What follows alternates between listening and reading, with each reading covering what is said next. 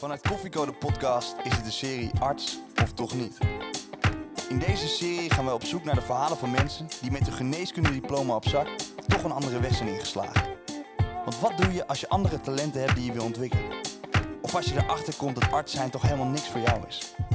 Dit is Arts of Toch Niet. Ja, welkom bij weer een nieuwe aflevering van Arts of Toch Niet. Vandaag zitten bij ons aan tafel Gilliam Kuipers, voormalig kinderarts en onder andere oprichter van Metgezel. Oké, Gillian, voordat we de, de diepte ingaan, en dat gaan we, gaan we zeker tijdens dit interview, gaan we toch beginnen met een leuke, luchtige vraag. De vraag waar we altijd mee beginnen, namelijk hoe drink jij je koffie? Hoe ik mijn koffie drink, je zult het niet geloven. De vraag is namelijk, kun je het überhaupt nog wel koffie noemen? ik drink decafé, als het enigszins kan. Ook nog wel gewone koffie. Maar sinds uh, een half jaar met uh, havermelk. Het geeft mij een goed gevoel dat ik toch het idee heb dat ik een beetje mijn steentje bijdraag aan de wereld. En ik moet zeggen, ik begin het steeds lekkerder te vinden. Maar of je het nou koffie kunt noemen, dat is de vraag. Gilliam, je bent nu ondernemer, directeur van je eigen bedrijf en je hebt lang gewerkt als kinderarts. Dat klinkt voor ons als een hele succesvolle en veelzijdige loopbaan. Maar toch hebben wij gelezen dat het niet allemaal zonder uh, horten en stoten is gegaan. Nee, dat klopt, dat klopt. Daar gaan we het vandaag over hebben. En we wilden eigenlijk beginnen met, uh, hoe was Gilliam als kinderarts? Oeh, wat een lastige vraag. Ja, ik was aan de ene kant was ik heel braaf. En heel erg mainstream en goed met best doen, perfectionistisch, hoog verantwoordelijkheidsgevoel, um, altijd laat naar huis gaan, dossiers mee naar huis nemen om nog thuis te dicteren. Um, maar was een kant van mij, die was ook recalcitrant. En die zag ook overal dingen eh, die niet klopten. En die wilde dat aan de kaak stellen.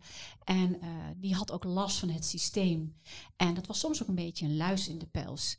En het was soms ook een beetje iemand met het gestrekte been uh, erin. Dus dat waren wel twee verschillende kanten. En wat waren de reacties in jouw omgeving dat jij zo was? Nou, met name dat stukje van, uh, zeg maar, met, met gestrekt been erin. Um, dat vond ik heel lastig. Er waren mensen die daar positief op reageerden. Maar er waren ook mensen die dat heel lastig vonden. Want ik ging daarmee het systeem uh, ja, onder druk zetten. En ik ging rammelen aan heilige huisjes. Dus soms werd ik ook wel misschien een beetje als uh, nou ja, nestbevuiler misschien gezien. Een beetje lastig. een beetje lastig. En wat zijn dingen waar, ja. waar jij met een gestrekt been inging? Wat was ja. er nodig volgens jou? Nou, mag ik een anekdote vertellen? Ik begon met mijn uh, opleiding tot kinderarts. Mijn eerste jaar werd ik zwanger. En ik had heel erg het gevoel van het kan morgen wel eens afgelopen zijn. Dat was een soort voorgevoel wat ik had. En ik dacht, uh, als ik straks een kind heb, dan wil ik daarvan genieten. En, uh, dus ik wil 80% gaan werken. Dat was in die periode nat dan. Nog nooit eerder vertoond niet eerder gehoord. Dus ik heb me toen ongelooflijk hard gemaakt om 80% te mogen gaan werken. En dat was een eenzame strijd, want veel van mijn collega's die wilden het wel. Maar die hebben uiteindelijk gedacht van laat maar, uh, het is mij te veel gedoe. En dat gaat mij misschien het een en ander, uh, ja, dat, dan zet ik mezelf op het spel. Dus ik heb dat uiteindelijk in mijn eentje gedaan. En toen kwam er een cruciaal moment, echt een cruciaal moment, met de toenmalige opleider. Die heb ik echt, uh, ja, wat zou ik zeggen, ik bleef hem lastigvallen. Toen zei hij, Gillian, het is goed met jou. Ik ga er nog één week over nadenken. Kom ik met mijn eindantwoord en dat is het. En wil ik je niet meer horen. Wat was het antwoord? Mijn pieper ging. Ik zat in de collegezaal. En dan was hij met zijn antwoord. Hij zei, Gillian, het antwoord is nee. Ik heb erover nagedacht. Het was nee, het is nee. En het blijft nee. En toen zei ik iets, dat kwam echt uit een diepe bron. Ik weet niet of ik het in het Engels zei of in het Nederlands. Maar ik zei, see you in court. Of dan zien we elkaar in de rechtszaal. en ik dacht nog, zei ik dat? zei ik dat? En vervolgens ging mijn pieper weer. En het was de opleider en hij zei, ik ga mee akkoord. Jij wint. Want de opleider dacht, klein mormel, ze gaat het doen. ze gaat het gewoon doen. ze slepen naar de rechter. En daar heb ik geen zin in.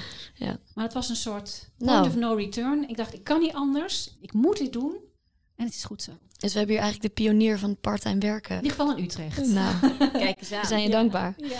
Ja. Um, wat zijn eigenlijk de, de hoogtepunten geweest uit jouw kinderartstijd? Um, toen ik uiteindelijk uh, sociale kindergeneeskunde mocht gaan oppakken. Ik was namelijk door, mijn, uh, door het feit dat ik op de hartbewaking terecht kwam uh, met een hele zeldzame hartaandoening. Uh, en ik werd afgekeurd voor de diensten. Ik moest zeg maar een nieuwe positie verwerven in die vakgroep. Een nieuw plekje. Uh, maar daardoor kreeg ik de mogelijkheid om sociale kindergeneeskunde op te gaan pakken.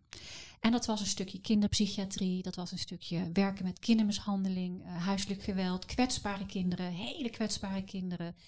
En dat lag mij heel erg goed. Dus ik heb het dossier kindermishandeling en huiselijk geweld op de kaart gezet. En uh, dat was voor mij uh, ongelooflijk bevredigend en leuk om te doen. Pionieren weer, innoveren. Um, ja, dat is fantastisch. Je noemt eigenlijk, of ik zeg je, dat hebben we voor het interview ja, afgesproken. Ja. Maar je noemt eigenlijk al iets, iets heel, misschien wel een dieptepunt wat jou is overkomen. En wat ja. de luisteraar misschien nog niet van jou weet. Kun je ons dus meenemen in wat jou is overkomen? Um, ik was al een tijdje, zat ik niet lekker in mijn vel. Ik ben een jonge moeder met een jong gezin. Ik, uh, ik werk hard, uh, veel diensten. Dus ik moet niet zeuren. Maar het begon een beetje te knagen. Totdat er een moment kwam uit het niets dat ik terugkwam van wintersport. En ik een, uh, ja, een hartinfarct doormaakte. Wat ik toen niet als zodanig heb nou ja, gepercipieerd. Ook door de huisarts niet gediagnosticeerd. Maar een paar dagen later uh, bleek het toch heel goed mis. En uh, kwam ik op uh, de hartbewaking van mijn eigen ziekenhuis terecht. Jeetje. Dus dat is mij overkomen. En um, de eerste keer dacht ik nog van, nou, foutje van de natuur. Maar een half jaar later gebeurde het weer. En toen dacht ik, er is toch iets aan de hand. Dit is een doodlopende weg. Gewoon als kinderarts, business as usual dan kan ik het niet meer navertellen die derde keer. Dus het is, uh, ik moet mijn hart gaan volgen. Ik moet echt mijn hart gaan volgen, letterlijk en figuurlijk. En want die andere weg is een uh, no-go area. Dat is doodlopend, letterlijk. Het moment dat je als dokter een hartinfarct krijgt, iets wat je, je misschien in je eerste jaar over leert, wat de symptomen ja. zijn en hoe ja. dat wellicht zou kunnen aanvoelen, dat lijkt me toch wel iets heel heftigs. Was ook heel heftig. En het idiote was dat uh, mijn ratio, mijn gevoel, totaal tegenover elkaar stonden op dat moment dat het gebeurde. Want ik had pijn in mijn rechter schouder en niet in mijn linkerschouder. Ik had pijn in mijn rechter schouder. Rare pijn. Ik dacht, rationeel, dat is spierpijn. Ik heb geskiet. Maar intuïtief dacht ik, ik was boven in de badkamer en een stemmetje tegen mij zei: Zorg dat je naar beneden loopt. Dat was een soort instinct. Zorg dat je onder de mensen bent. Maar mijn ratio zei: Niks aan de hand. Niks aan de hand. Mm -hmm. Weet je, ik heb een beetje spierpijn. Dus dat was uh, de dokter en de mens eigenlijk die, uh, nou ja, mensen hadden het door, de dokter niet. en dat was, dat was dus de eerste keer. En, en toen kwam je ook al op de hartbewaking ja. terecht. Ja. Wat, wat verandert er dan in jou? Als je, je, bent, je gaat van arts naar patiënt. Hoe is dat? Het is uh, bizar, want je wordt ineens afhankelijk. Uh, je wordt kwetsbaar. Uh, weet je wel, je wordt geholpen als je naar de wc moet. Ik kon niet eens naar de wc. Hè. Je billen worden afgeveegd. En door je spreken collega's die je ook weer tegenkomt. Dat vond ik, dat vond ik heel naar. Dat vond ik zo naar. Dat ken je alleen maar uit het verpleeghuis, want dan lig je zelf dan. Dus dat vond ik uh, lastig.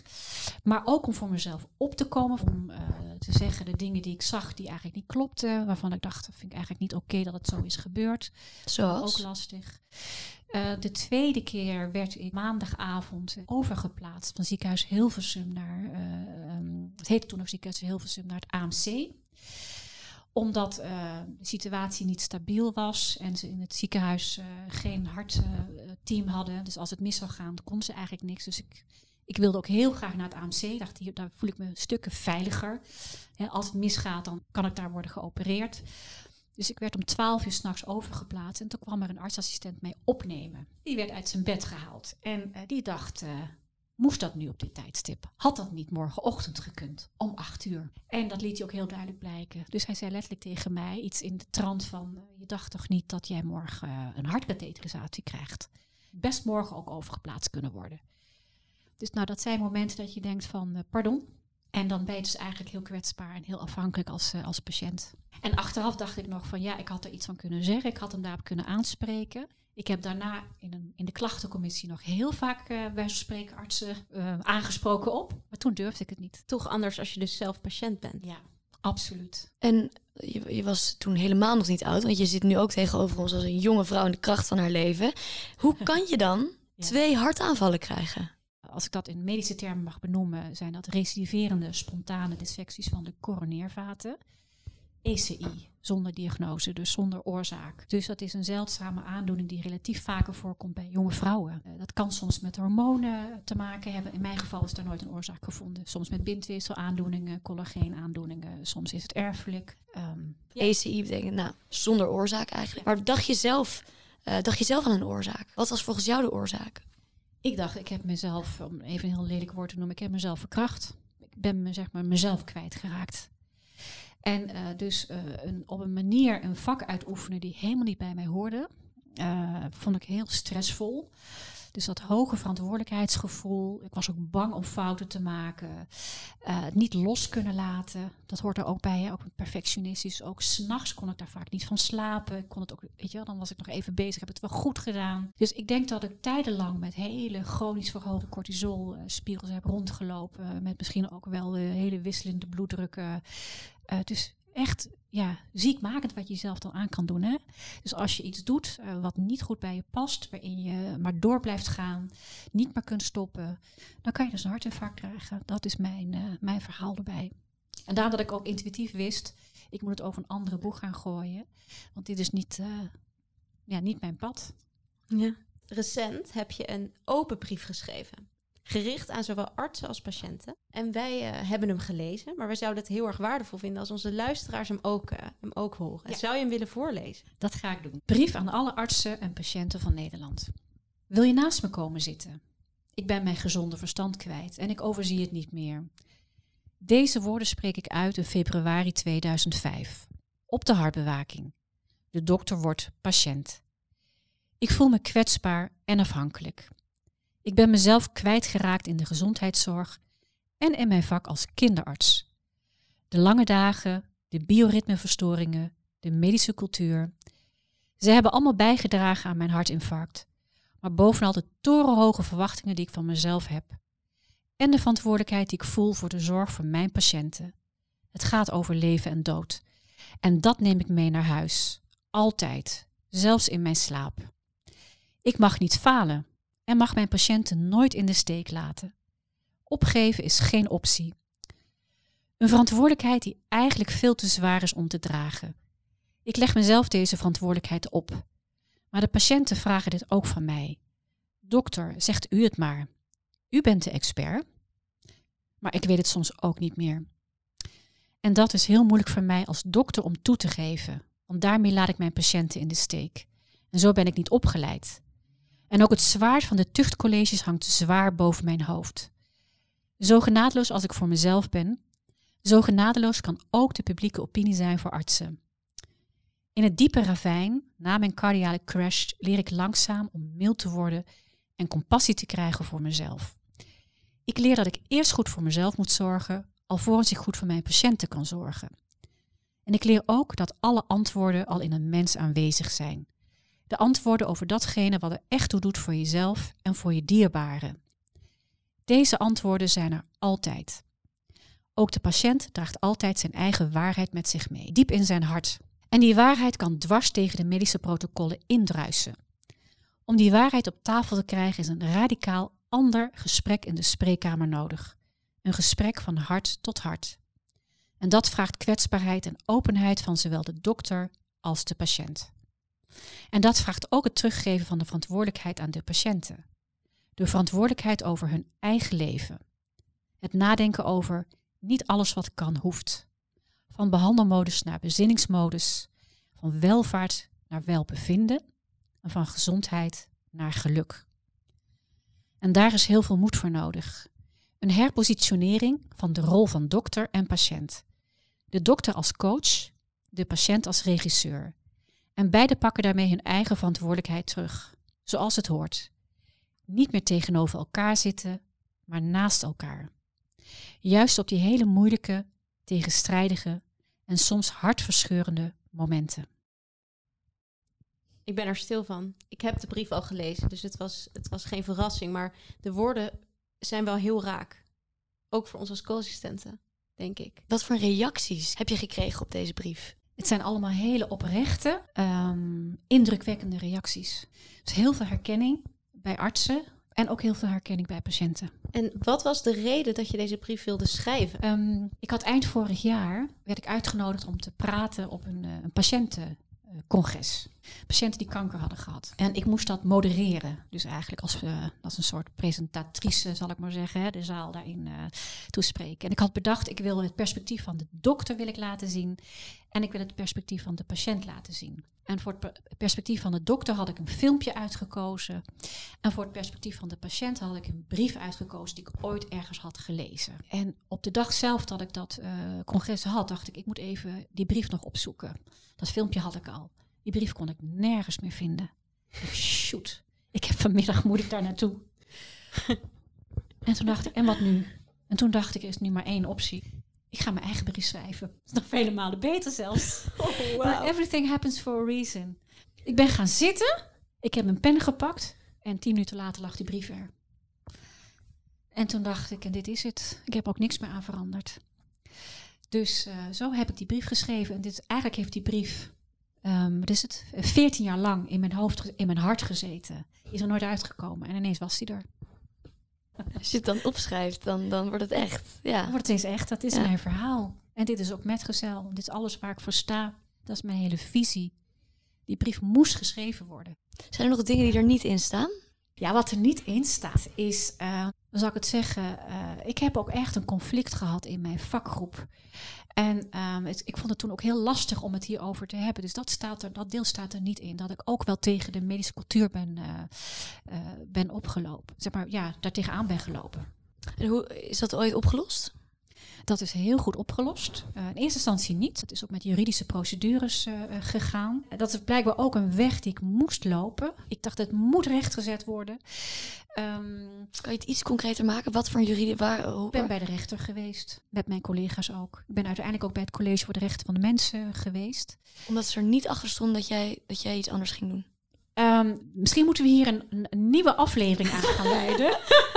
Als ik hier alle ins en outs van uh, ga vertellen. Dit verhaal gaat absoluut nog een keer verteld worden. Um, maar ik, ja, het, het was aan twee kanten eigenlijk. Ik was uh, de vakgroep ontgroeid. Ik was mijn vak ontgroeid. Uh, ik, ik was noodzakelijk dat ik mijn ambitie ging uh, volgen. Alleen ik wilde die keuze zelf maken.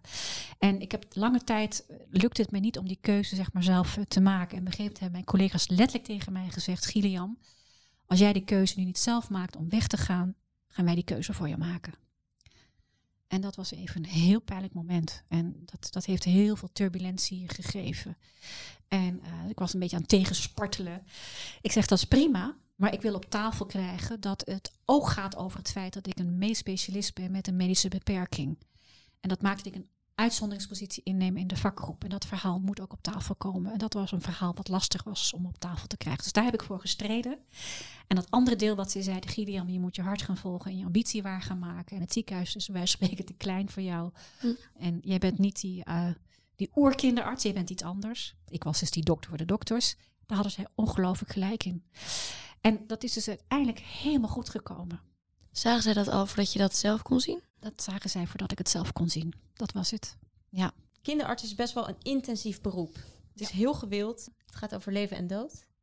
Ja. Zoals je net in de brief ook al zei. Kwetsbare groep, hè? Kunnen niet altijd praten. Denk je dat je als je een minder zwaar of minder intensief specialisme had gekozen, dat het misschien wel een, een, een dokter zijnde een beroep voor jou was geweest? Ik denk dat ik daar toch een beetje hetzelfde in had gestaan. Ja? Denk ik wel. Ja, ja. toch de aard van het beestje. Ik wil alles goed doen, perfectionist. Heb je nog overwogen om een ander ziekenhuisspecialisme op te pakken na de tweede hartaanval? Of was het gewoon klaar met het ziekenhuis? overwogen zal ik kinderdermatoloog worden. Vind ik ook leuk, de huid. Um, en psychiater natuurlijk. Kinderpsychiater heb ik ook overwogen. Ja. Kon dat toen nog? Tuurlijk, alles kan. Ja. Sterker nog, uh, een rolmodel voor mij was uh, Babette de Graaf. Uh, zij was kinderarts, kinderarts, reumatoloog, immunoloog. En zij is nog op latere leeftijd, ergens in de 40, is ze weer artsassistent geworden, psychiatrie. Zo. Dus dat, dat is ook altijd toch een optie. Alles kan, hè? En nou ja, in ieder geval dat moment was op een gegeven moment daar. Dat, ja. je, dat je zelf besloot, ik hang mijn stethoscoop aan de wilgen. Ja. Ik stop ermee. Ja. Hoe was dat om ermee te stoppen? Dat heeft wat tranen gekost. Ik dacht, ik laat mijn patiënten in de steek. Ik had daar mijn hele identiteit rondomheen gebouwd. Ik was die kinderarts. Het droop er bij van spreken vanaf. Ja. En dat was ineens weg. En ineens was ik, uh, nou ja. En aan de andere kant dacht ik, uh, de wereld ligt aan mijn voeten. En ik werd toen uh, directeur beleid bij KNMG. Dat was eigenlijk op dat moment mijn droombaan. Dat had ik echt niet kunnen verzinnen. Ik dacht, nou, dit is fantastisch. Dus waar de ene deur dicht gaat, ging meteen de andere deur open. Um, en toen had ik nog een mogelijkheid om terug te keren. Hè? Dus dat had nog prima gekund. Want na een jaar ben ik opgestapt bij de KNMG. Toen had ik terug kunnen gaan. Maar ik wist in mijn hart, nee, dat is die doodlopende weg. Weet je nog? Moet je niet doen. Je hebt je lessen nu gehad. Nu ga jij datgene in de wereld zetten wat echt de bedoeling is. Want toen heb ik metgezel opgericht. Nou, dan geef je ons een leuke, een leuk bruggetje. Ja. Want je hebt eigenlijk een, een mooi manifesto geschreven in de brief die je ons net voorlas voor Metgezel. Ja. Kan je eens de doelstelling van Metgezel kort samenvatten? De doelstelling van Metgezel is om de mens achter de dokter en de mens achter de patiënt eh, een centrale rol te geven in de spreekkamer. Zodanig dat er een ander gesprek uh, tot stand komt. Hm. Een gesprek waarin eigenlijk uh, datgene waar die patiënt eigenlijk heel erg veel behoefte aan heeft om dat, dat verhaal te vertellen, dat dat ook verteld wordt. En dat die dokter op basis daarvan ook samen met de patiënt andere keuzes kan gaan maken. En uh, dat wij dus een andere gezondheidszorg wellicht gaan krijgen. Minder invasief en meer mensgericht. Dus dat is even de visie. Heel praktisch gezien, wat ik doe, is ik leid de toekomstige artsen op tot medisch coach. Dat is de metgezel. Zij leren coachvaardigheden. Zij leren om de juiste vragen te stellen. En zij gaan dan naar de patiënt toe, voor gesprek voeren. Ze gaan mee met de patiënt, ze ondersteunen de patiënt bij de dokter als een coach. En na afloop helpen ze de patiënt om te begrijpen wat er is gezegd, te herhalen wat er is gezegd. Samen nog eens even op een rijtje te zetten uh, en te kijken van, goh, uh, is het verhaal van de patiënt goed op tafel gekomen? In mijn visie wordt dit een onderdeel van de opleiding. Dit is een manier om je te verhouden tot de patiënten, wat je niet leert in jouw geneeskundeopleiding. Ja. Ik zie aan je dat het enthousiasme voor metgezel, dat straalt ervan af. Ja. Dat is ontzettend leuk om te zien. Maar we zitten hier natuurlijk bij arts of toch niet. Ja. Hoe is het om niet meer die witte jas aan te doen naar het werk? Het is een bevrijding. Ja? Ik, we zijn ons hele huis aan het opruimen, hè, want we zijn nu uh, aan huis gekluisterd. Dat is een verkleedkist. En toen haalde ik opeens in uh, mijn oude doktersjas kwam daar ineens naar boven. Maar toen dacht ik, uh, ja, dat was mijn jas. Dus die mag weg. De witte jas mag weg. Ik heb overigens, ik vond ook mijn uh, drie stethoscopen. Ik had ze in drie maten. Voor de neonaten, voor de kinderen en voor de volwassenen. Die heb ik nog bewaard. Wat mis je er nou nog wel aan, aan die klinicus zijn? Het is heel, uh, het is heel bevredigend. En het is, um, uh, je pakt je pieper en de dag wordt voor jou ingevuld. Je hoeft daar niet bij na te denken. Het gebeurt gewoon. En dat is ook heel makkelijk. En, en als ik dan weer terugreed, dacht ik zo ik heb toch weer een uh, mooie dag gehad. Ik heb een paar patiënten blij kunnen maken. Ik heb een co-assistent een leuk gesprek meegevoerd. Uh, ik heb iets kunnen doen in het ziekenhuis met, uh, met de kindermishandeling. Dus dat vond ik heel erg leuk. Je noemt de sociale, sociale kant van het vak. Ja, en Zo, precies. Ja. Dat is blijkbaar, was dat mijn, dat was de spark. Ja. Wat zeg je nu tegen mensen of die, die bij jou komen en die dezezelfde struggle hebben, dezezelfde tweestrijd? Hoe coach je die? Ik kan, ik kan een vraag stellen, bijvoorbeeld van uh, wat zijn nou uh, dingen die je hebt gedaan in je leven, uh, waar jij ongelooflijk ging vliegen, waarvan je dacht van wauw, dit is zo fantastisch. Hè? Dat, dat zijn eigenlijk de pareltjes om naar te gaan kijken van wat maakt nou dat je daar zo enorm bent gaan vliegen? Waar, waar zit die spark dan? En daar zit ook meteen de energie en het, is een stukje enthousiasme eigenlijk wat je gaat, uh, gaat voelen. Hè? Van wanneer ben je nou ongelooflijk enthousiast? Wanneer gaat het vanzelf? Wanneer kom je in de flow? Dit is overigens ook een onderdeel van de opleiding. Het gaat hier ook over. Hoe maak je nou de juiste keuzes? Want ik denk een dokter die, uh, die een vak gaat kiezen wat heel erg dicht staat bij wie je als mens bent, dat moet je willen. En of het nou wel of geen dokter is, dat maakt niet zoveel uit. Of wat voor dokter dat is, maakt ook niet uit. Maar het moet heel erg dicht passen bij wie jij bent als, uh, als mens. En hoe kom je daar nou achter? Dus dat is ook onderdeel van de opleiding. En daarnaast um, mag ik ook in, uh, in Groningen één keer per jaar het college geven How to Juggle Your Life. En dan uh, mogen de, de bachelorstudenten vragen aan mij stellen. Een soort college tour is dat Dus ik sta dan op dat podium samen met uh, hoogleraar. En dan mogen zij al dit soort vragen stellen. Van hoe maak je nou je keuzes? Uh, wat waren cruciale momenten geweest? En het is een hoog gewaardeerd college. Wat, wat vragen die uh, studenten uit Groningen? Wat is de leukste of apartste vraag die u ooit heeft moeten beantwoorden daar? Ik ben altijd ongelooflijk geraakt door de hele diep filosofische vragen die jonge mensen kunnen stellen. 21-jarigen die mij vragen stellen, dat ik denk van wow. Bijvoorbeeld, um, dat, of dat nou een jongen was die, die aan mij vroeg toen jij zo ziek was. En um, hoe was dat nou voor jouw partner? Wat vond hij er eigenlijk allemaal van? Vond ik zo'n mooie vraag. Ja, daar word ik zelf ook even stil van. Ja. ja. Er zijn ook wel eens mensen tegen mij van, joh, uh, je leidt ze dan op tot coach, maar dat zijn toch nog hele jonge mensen en die hebben nog geen levenservaring. Ik zeg, nou, onderschat ze niet. Onderschat ze niet. Ik kunnen prachtige vragen stellen. Dat merk ik nu ook aan mijn 18-jarige dochter en mijn 20-jarige zoon. Maar hoe kan je nou weten wat je wil op deze leeftijd? We zoeken er allemaal zo hard naar. Ja, ja dat, voor een deel kan je dat ook niet, niet weten. Maar wat ik wel weet, is dat we, ja, dat was ook even heel filosofisch wat ik hier zeg, maar is dat we allemaal onze eigen weg hebben. En die weg die is er al. Die weg is voor jou al geplaveid. Maar de vraag is, zie jij dat dat jouw weg is?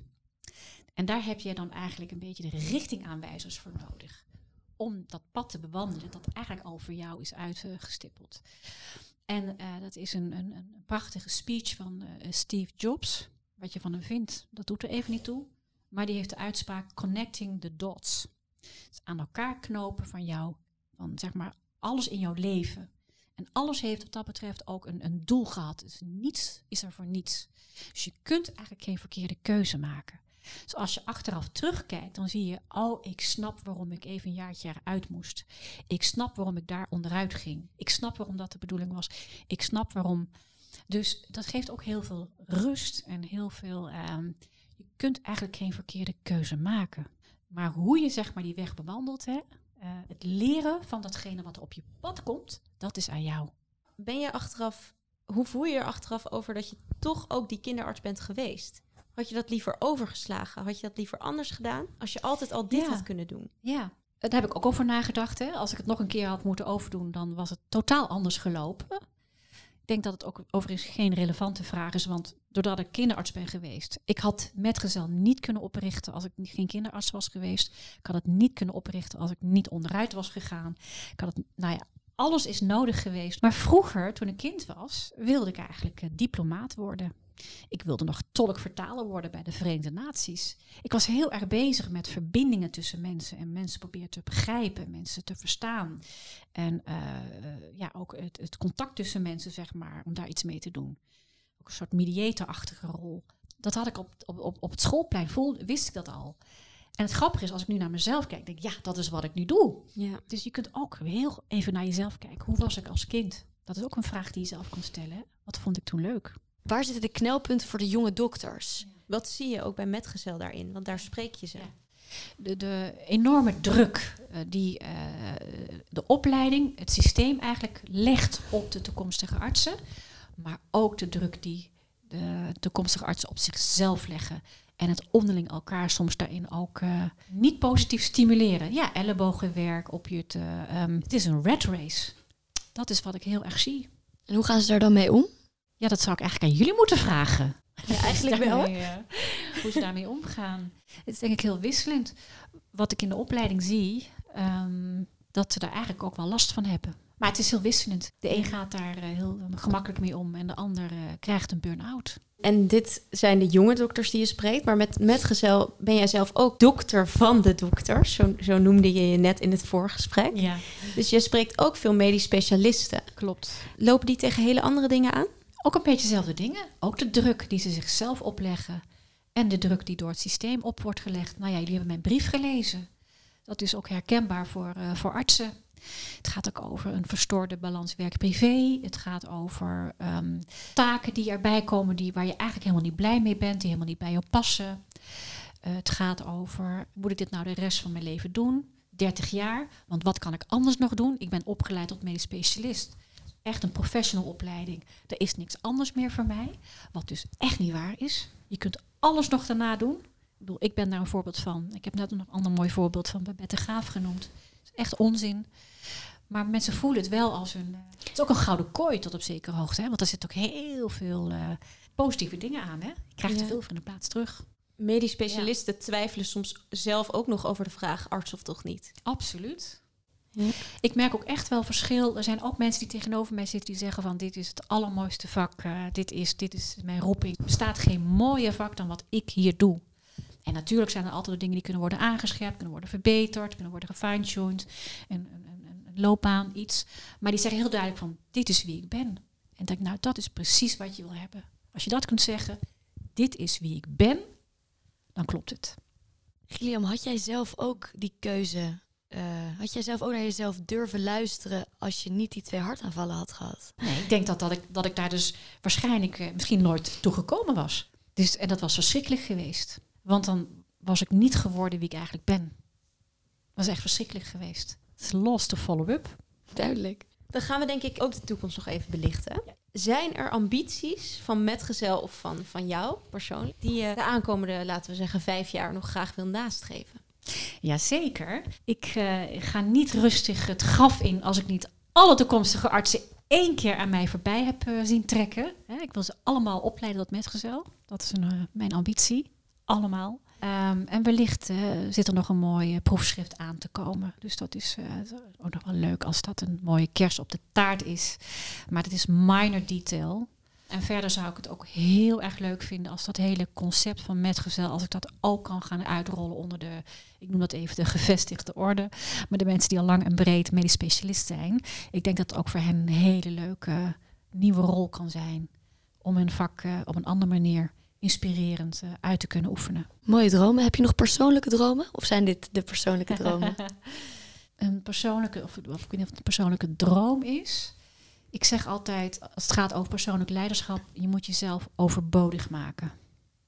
Als ik mezelf overbodig heb gemaakt, dan heb ik het goed gedaan. Dan gaat alles vanzelf lopen en dan kan ik stoppen. Dan kan ik, gaat metgezel rollen, dan kan ik daarmee stoppen en dan, eh, dan, bestaat het gewoon. Dan bestaat het gewoon.